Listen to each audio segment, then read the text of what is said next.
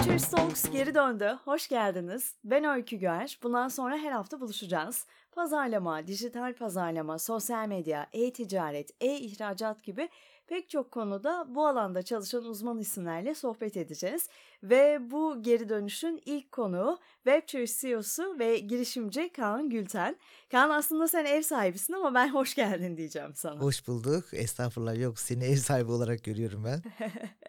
Şimdi bu podcast'te aslında herkesin çok merak ettiği konuları konuşacağız. Pek de bilmediğimiz konuları biraz aydınlatmaya çalışacağız. OpenGPT'nin gücüne şaşıracağınız bu podcast bölümünde modelin yeteneklerini ve olasılıklarını araştıracağız. Bu cümleyi nasıl buldun diye soracağım sana. Çünkü bu cümleyi ben yazmadım. ChatGPT yazdı. E, benim ilk deneyimimdi bu arada ChatGPT ile. Gerçekten büyülendim. Hatta bana böyle 5 tane alternatif verdi. Arasından ben bunu seçtim. Benim Şahane. çok merak ettiğim, aslında anlamak istediğim, öğrenmek istediğim bir konu bu. O yüzden istersen önce tanımlayarak başlayalım. Nedir bu ChatGPT diye herkesin aklındaki soruyu sorayım sana.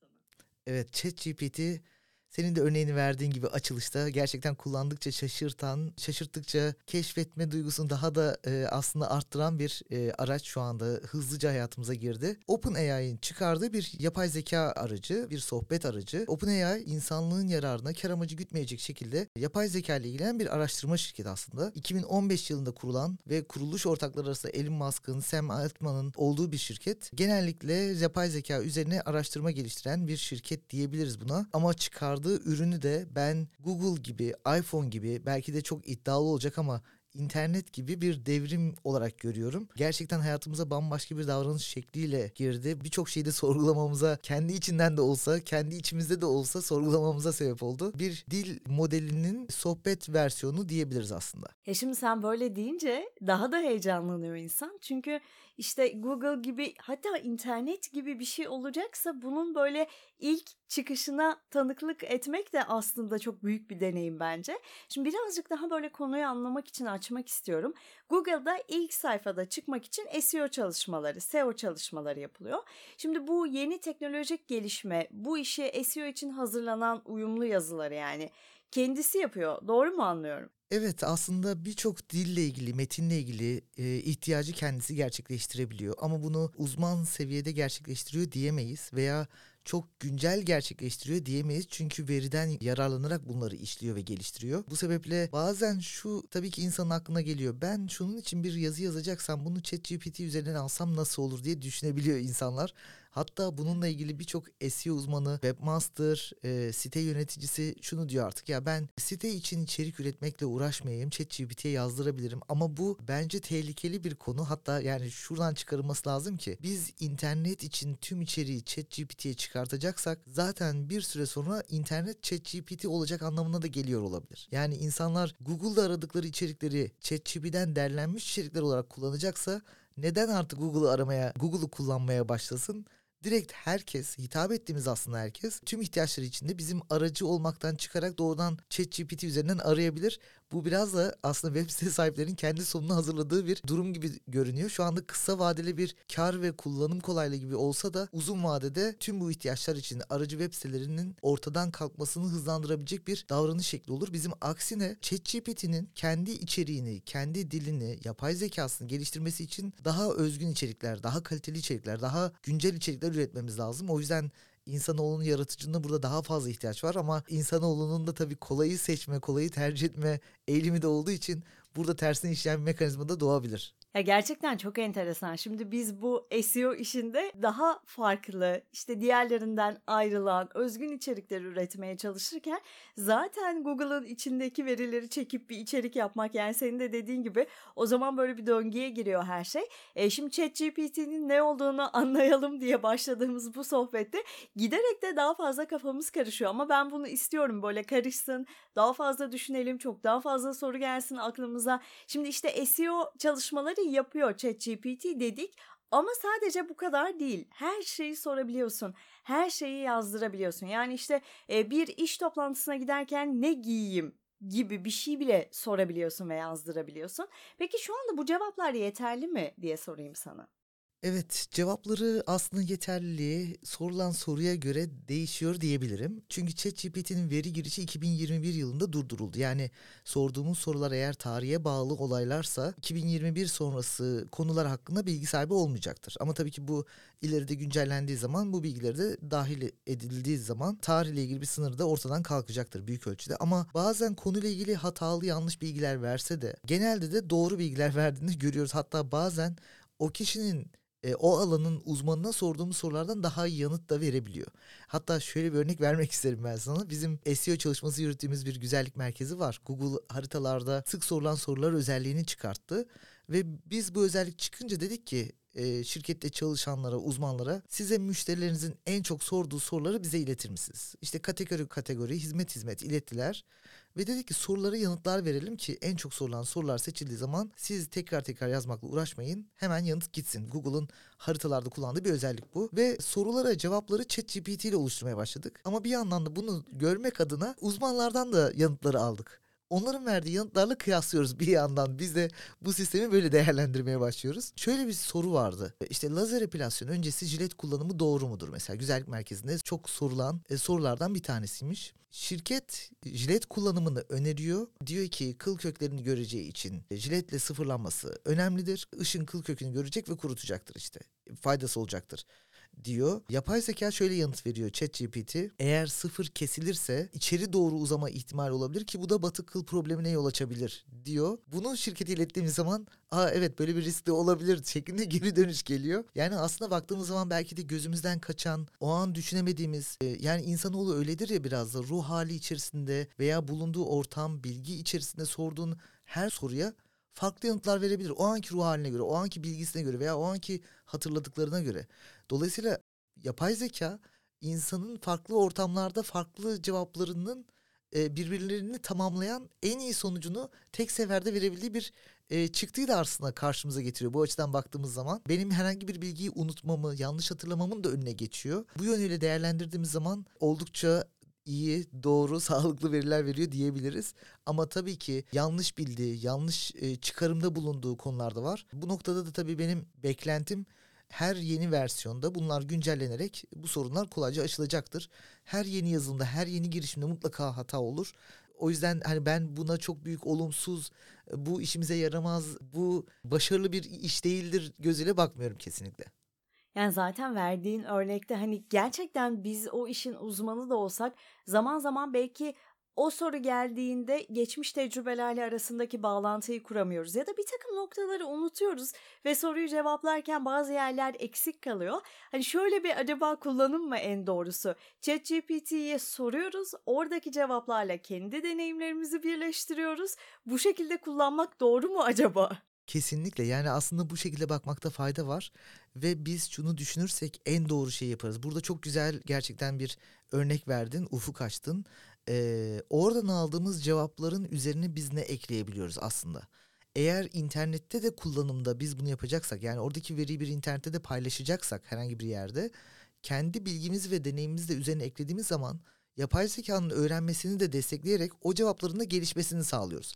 Elbette kendi sohbet esnasındaki verdiğimiz bilgilerle kendisini öğreniyor ama o akış içerisinde kalıyor genelde. Hani vereceği sonraki cevapları etkiliyor bu ama daha interneti zenginleştirmek adına kendi bilgimizi ve deneyimimizi onun verdiği doğruları, normları e, birleştirerek sunmak dediğin gibi daha interneti zenginleştirecek ve yapay zekayı da besleyecek bir yöntem olacaktır. Ben ChatGPT denerken bir radyo anonsu yazmasını da istedim. İşte Orhan Veli tarzı bir şiir yazmasını da istedim. İkisini de gerçekten çok güzel yapıyor ama benim hissettiğim böyle insanın kattığı o duygu, işte dile hakimiyetin getirdiği sürprizler bunlar yok tabii ki. İşte bunları bizler katıp bambaşka bir içerik üretebiliriz ChatGPT'nin ve kendi özgün dilimizin yardımıyla. Ama şunu merak ediyorum yani bunlar ileride olacak mı?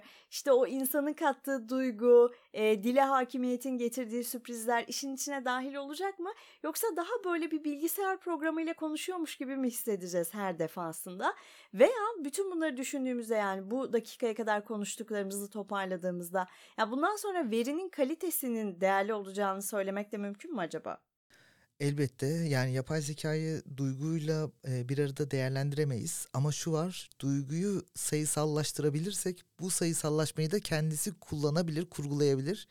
Dolayısıyla ondan bir hikaye yazmanızı istediğiniz zaman şu duyguda bir hikaye olsun dediğiniz zaman o duyguya yönelik çıkartabiliyor. Yani bu veri girişinin sizden olması gerekiyor ve yapay zekanın arka tarafta o duyguları bir şekilde sözcüklerle ilişkilendirmiş olması gerekiyor.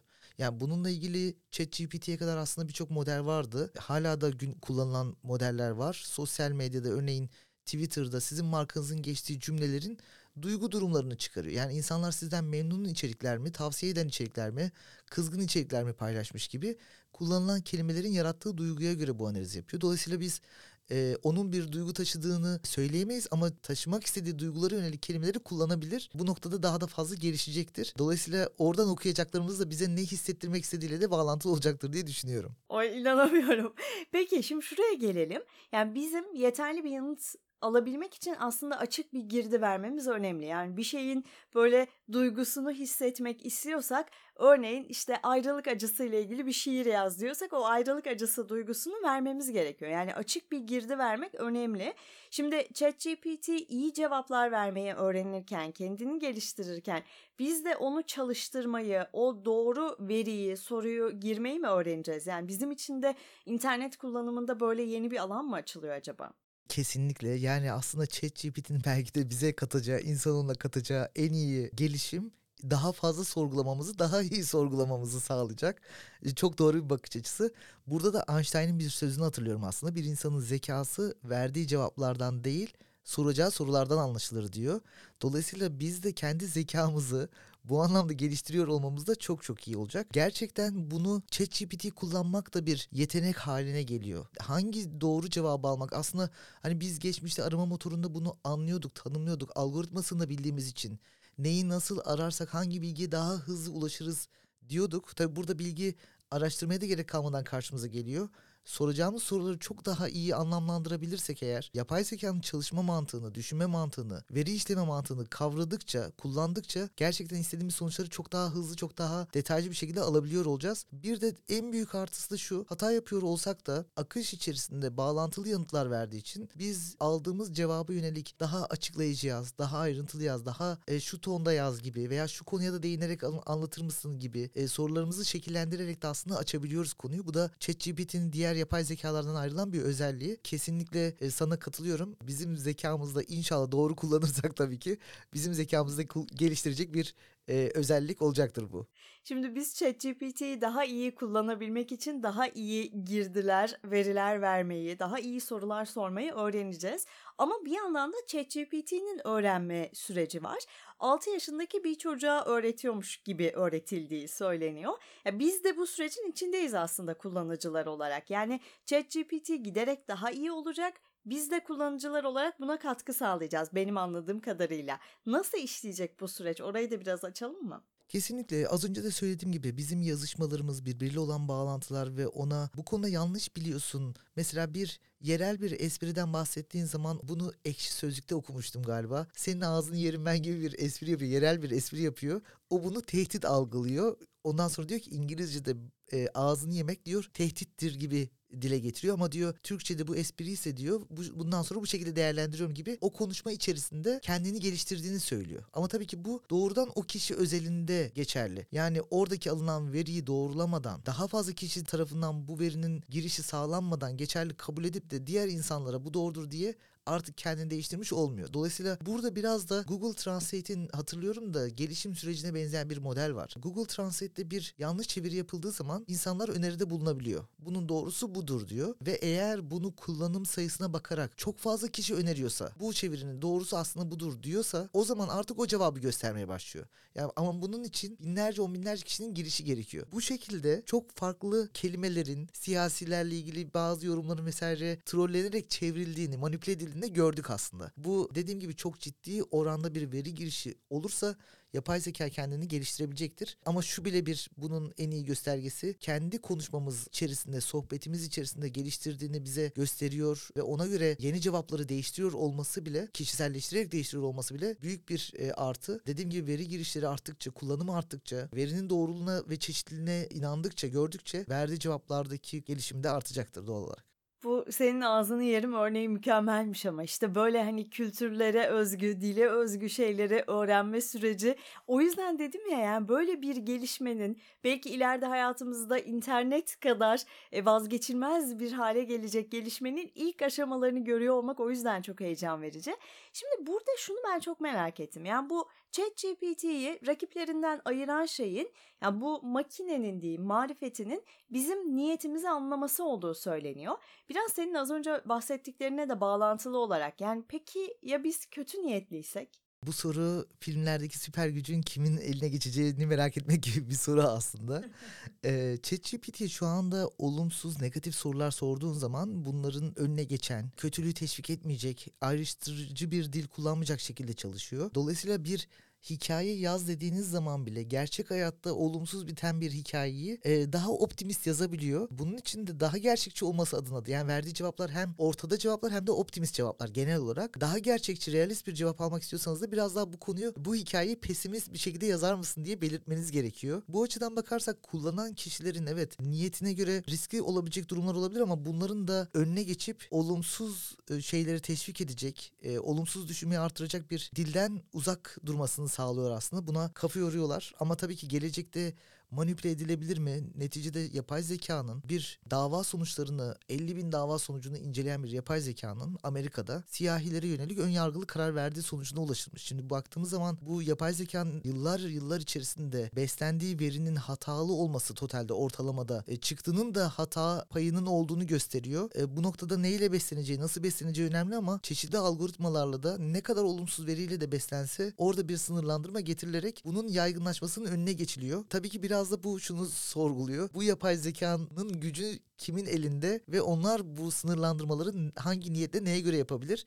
Belki de bunu daha fazla düşünmek gerekiyor ama onlar da böyle bir e, yapının sorumluluğunun, etkisinin ne kadar büyük olduğunun farkındadır. Yani bu birçok açıdan da aslında devletleri, hükümetleri belki ilgilendirecek gelecekte bir e, konu haline gelecektir. Çünkü baktığımız zaman şu anda belki çok risk teşkil etmeyecek yapay zekanın insan tercihinde etkileri ortada günümüzde işte Google'ın e, bunu mu demek istediğiniz araması veya en çok arananları listelemesi veya Amazon'un baktığımız zaman globalde bu ürün Amazon'un tercihidir demesi ama aynı ürünü belki yarı fiyatına araştırdığınız zaman bulabiliyor olmanız. Çünkü yapay zeka şöyle çalışıyor. Satıcısına güvenebileceğim, lojistiğine güvenebileceğim, ürünün kendi depomda olduğu Amazon üzerine baktığımız zaman e, sorunsuz teslim edebileceğim, şikayet almayacağım, yorum sayısı fazla olan diyor ve bunu ön planı çıkarıyor. Ama burada tabii ki kendi karını da önceliklendiriyor. Dolayısıyla en ucuz satanı biz göremiyoruz. Yani bizim tercihlerimizi fazlasıyla yönetebilen bir yapay zekadan da bahsediyoruz burada.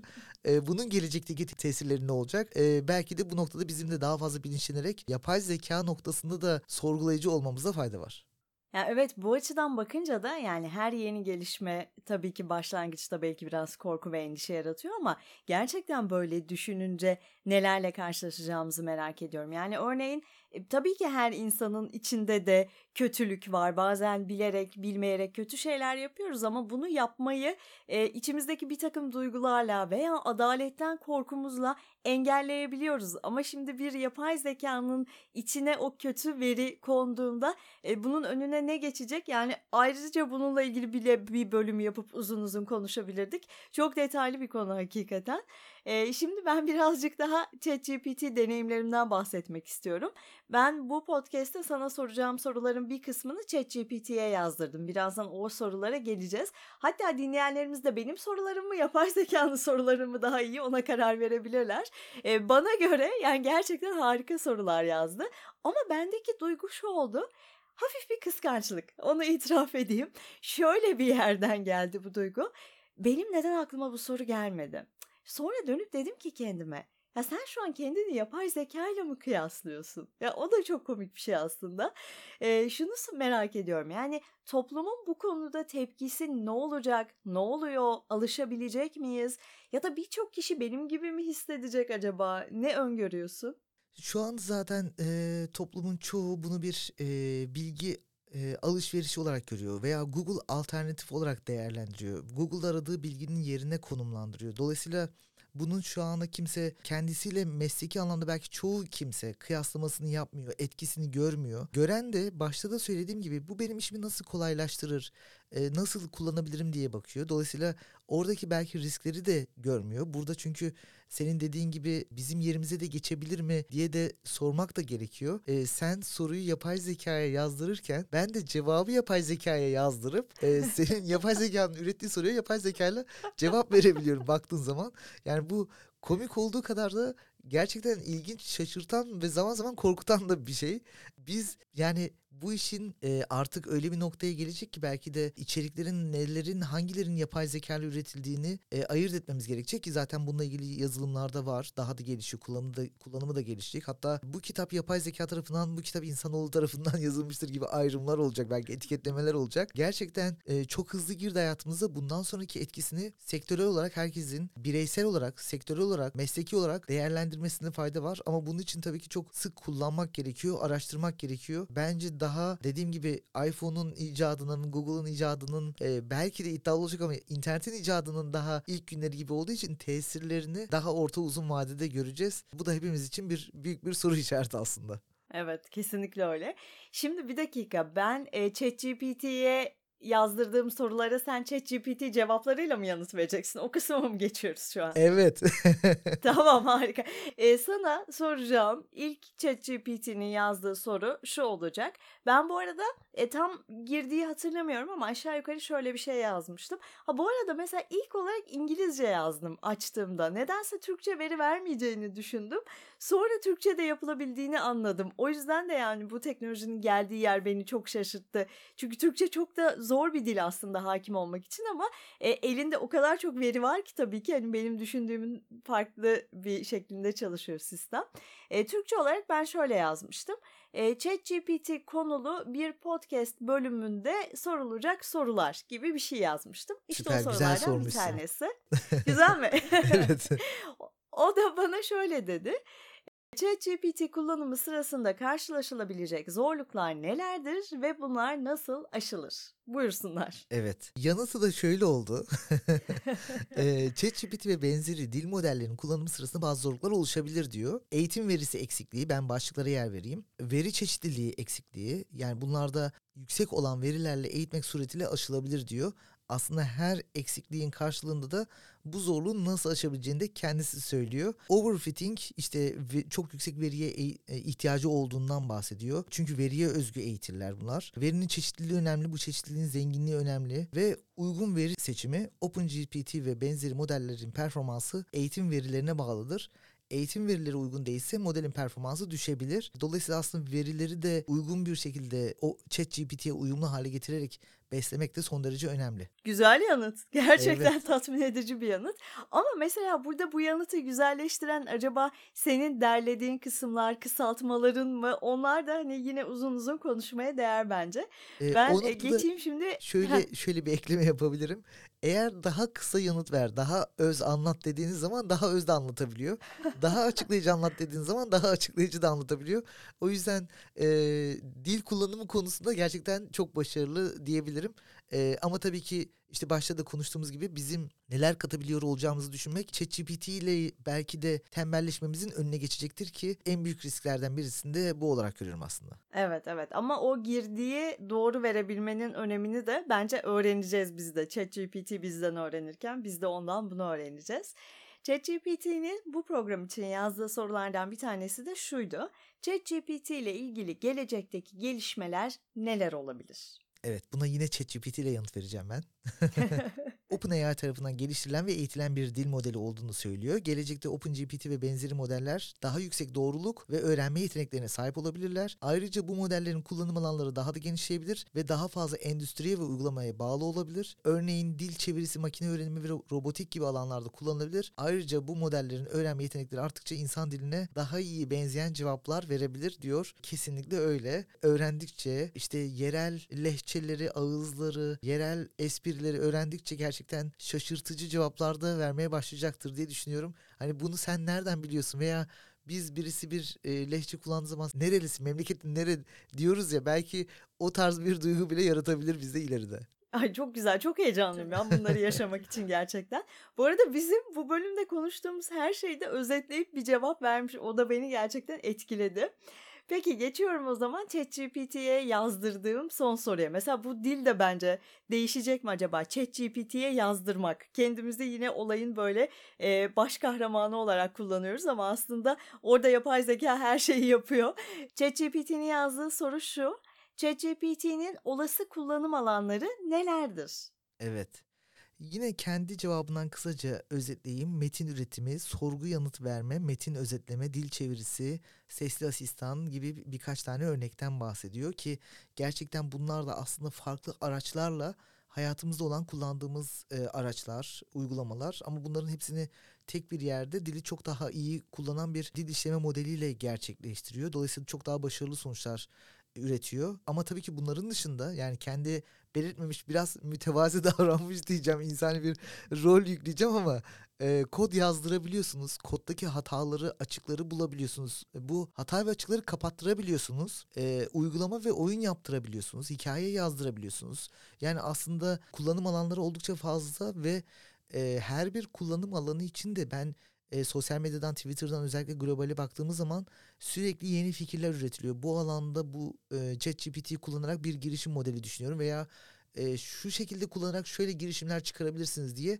Yani aslında dikeyde ne kadar hangi ihtiyaca yönelik spesifik olarak tanımlayarak kullanabiliyor olmakta beraberinde bir çözüm üretiyor. Çünkü baktığımız zaman metin üretimi, sorguya yanıt verme, dil çevirisi bunlar ayrı birer tool iken ChatGPT içerisinde toplanıyor. Çok fazla yeteneği var. Daha keşfedemediğimiz belki bizim çok fazla özelliği var. Kullandığımız birçok tool da gelecekte belki ChatGPT altyapısını kullanan bir tool haline gelecek. Kullanıyor olacak ve biz farklı bir arayüze onu farklı bir çözüm gibi de görüyor olabileceğiz. Yani en azından interneti bu kadar derinlemesine araştırmayıp kullanmayıp temel seviyede ihtiyaçları için bakan kişiler için geçerli. Ama ben yine de tüm bunlara baktığımız zaman totalde Google'ın yerini alabilecek e, büyük ölçüde bir gelişim olarak görüyorum ama Google'ın yerini almaktan kasıt da tabii ki Google'ın çok farklı fonksiyonları, e, davranış şekilleri var kullanıcılar üzerinde ama baktığımız zaman işte bir web sitesine girme, bir bilgi arama, ticari bir işbirlikteliği arama, B2B kullanımı, şirket arama vesaire gibi ya da doğrudan satın almak için ürün arama. Google da bunları kendi içerisinde kategorilere ayırmıştı. Kullanıcı davranışları çok değişkenlik gösterdiği için. Hatta bunların yerine işte e-ticaretin yerine artık ürün satın almak e, için aramak yerine e, pazar yerlerine giriyoruz. Hepsi burada ya Trendyol'a veya Amazon'a giriyoruz. Baktığımız zaman globalde Amazon çok daha aslında otoriter olduğu Google alışveriş sekmesine kıyasla. Dolayısıyla buradaki kullanıcı davranışlarına göre çıkan e, rakipler Google'un o alandaki pazar payını büyük ölçüde alıyor, ele alıyor. Google'ın elinde en güçlü olduğu alan B2B, e, ticari anlaşmalar, ticari araştırmalar, firma, şirket araştırmaları ve bilgi odaklı aramalar. Bu bilgi odaklı aramaların yerini alabilecek çok büyük bir potansiyel güç olarak görüyorum. Böyle olduğu zaman Google sadece belirli alanlarda hizmet vermeye devam eden bir arama motoru olarak kalacak. Tabii ki kendisini kendi yapay zeka sistemiyle geliştirmezse çünkü kendisinde bu yönde çalışmaları var. Onları da çıkaracağı ürünlerle ve yeniliklerle ileride görüyor olacağız aslında. Şimdi sen dedin ya işte kod yazıyor, her şeyi böyle hani bizim yapabildiğimizden çok daha hızlı ve iyi hatalarını da görerek yapabiliyor aslında buradan çıkarabileceğimiz şey de bu. Şimdi sana herkesin çok merak ettiği bir soruyu sorayım. ChatGPT ileride bazı meslekleri yok edebilir mi? Ya da acaba böyle düşünmek de geleceğe adapte olamamak mı?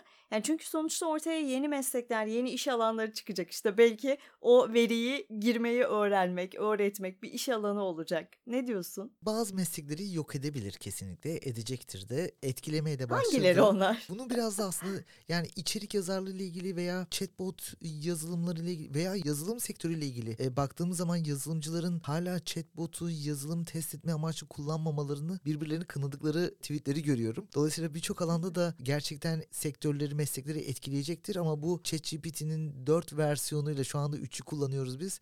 4 versiyonuyla belki de çok daha net ortaya çıkacak ama bu noktada etkilese de bu benim için korkutucu gelmiyor. Çünkü doğal seleksiyona inanan birisiyim ve insanoğlunun mükemmel bir uyum yeteneği var. Değişime uyum sağlama yeteneği var ve baktığımız zaman aslında kendimizi değerlendirdiğimiz zaman önce bir ortama çok hızlı adapte olabiliyoruz ama önce fiziksel olarak gitmemiz gerekiyor maalesef. Fiziksel olarak yer değiştirdiğimiz zaman bir masaya oturduğumuz zaman o masadaki insanların bakış açısı, düşünce yapısı e, hemen biz de dünyaya onlar gibi bakmaya çalışıyoruz, başlıyoruz. Önce insanın bedeni gidiyor sonra kafası gidiyor bir yere. Öyle görüyorum ben olayı. Dolayısıyla biz çevremizdeki insanların bakış açısıyla, duruşuyla, düşünce yapısıyla fazlasıyla etkilenebiliyoruz ve onlar gibi o ortamın gerektirdiği şekilde düşünmeye başlayabiliyoruz.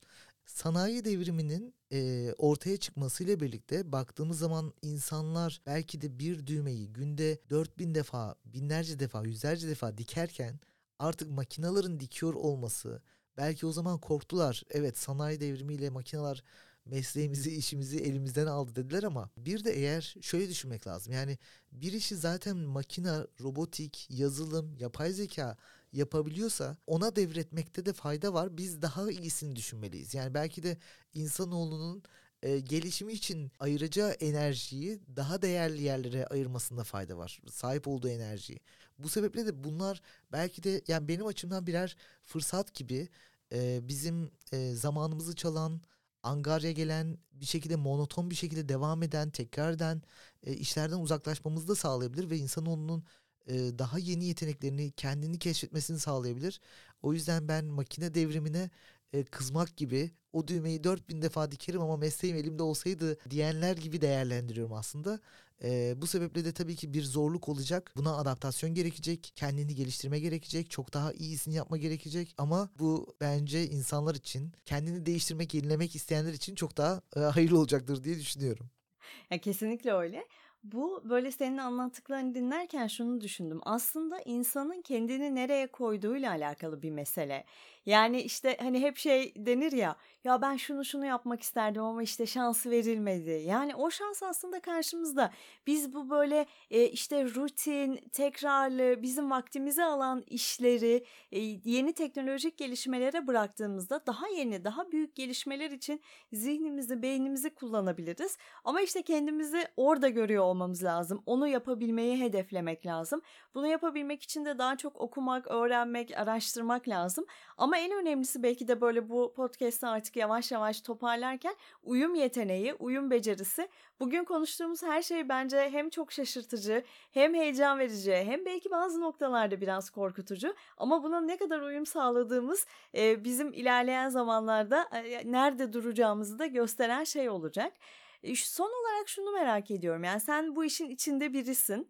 Bu teknolojik gelişme seni de bizim gibi bu işin çok da içinde olmayanlar gibi şaşırttı mı yoksa zaten bu beklenen bir gelişme miydi? Chat GPT öncesinde GPT-3 teknolojisiyle bunu duyurdu birkaç yıl önce ve birkaç yıldır aslında bunu biliyorduk ve çeşitli kısıtlı da olsa çeşitli alanlarda kullanıyorduk. Hatta e, bunun geliştirebileceği, getirebileceği yeniliklere de hazırdık. Yani teknolojinin içinde ve GPT-3'ü kullanan birisi olarak ben bunu söylüyorum. Çünkü bu beraberinde web sitelerinin normalde biz kendi mesleğimle de ilgili bunu söylüyorum ve zaten bu yönde bir sürekli planlarımız, projelerimiz olan birisi olarak da söylüyorum. GPT-3'ün birkaç yıl öncesinde çıkardığı kapalı sistemle çalışan, API ile vesaire çalışan bir yapı olarak web sitelerinin kendi kendini iyileştiren, kendi kendini geliştiren, kullanıcıların davranışlarına göre kendi içeriklerini kendi üreten bir web sitesi gibi bile kullanılabilmesini sağlayan bir teknoloji olarak aslında biz bunu değerlendiriyorduk ama ChatGPT ile son kullanıcıya direkt tüm bilgisini açan bir yapı tabii ki bir e, şaşırtıcı bir yenilik oldu bizim için de. Ve öncesinde de söylediğim gibi aslında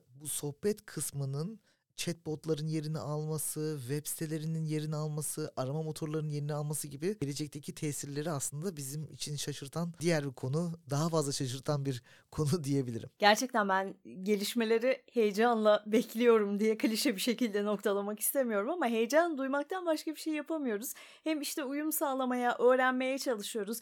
Öğrenirken bir yapay zekaya bir şeyler öğretmeye çalışıyoruz. E, ve bütün bunlara bir e, belki de önümüzdeki yıllarda hani devrim niteliğinde kabul edilecek Google gibi, internet gibi bir şeye, ChatGPT'ye böyle neredeyse başlangıcından itibaren tanık olmak da çok heyecan verici. Kaan çok teşekkür ediyorum. Resmen aydınlandık sayende bu konuda. Çok teşekkürler. Senin de şahane sorunlarına ben de ilham aldım. Ee, bu keyifli röportaj, sorular, katkılar için de çok çok teşekkür ederim. Bir de ChatGPT'ye de teşekkür edelim o zaman. Biraz kolaya kaçıp soruları ve cevapları ona yazdırdığımız bir kısım da olmuştu. Evet evet. Şimdi nedense kendisine yazıp da e, bilgilendirme ihtiyacı hissettim. Bir podcast kaydında senden bahsettik diye. Artık hayatımıza ne kadar girdiğinin, girmeye başladığının bir örneği bu da. Evet yani biz de burada ChatGPT'ye öğretmiş olduk aslında. E, bu konuyu daha fazla öğrenmek isterseniz, çevrenizde daha fazla bu konuyu öğrenmek isteyenler varsa bu podcast'i onlarla paylaşarak siz de bu sürece bir katkıda bulunabilirsiniz. Sevgili Kaan Gülten'e çok teşekkür ediyoruz. Webchers Talk'a harika bir geri dönüş yaptık. Bir sonraki bölümde yeniden görüşmek üzere. Hoşçakalın.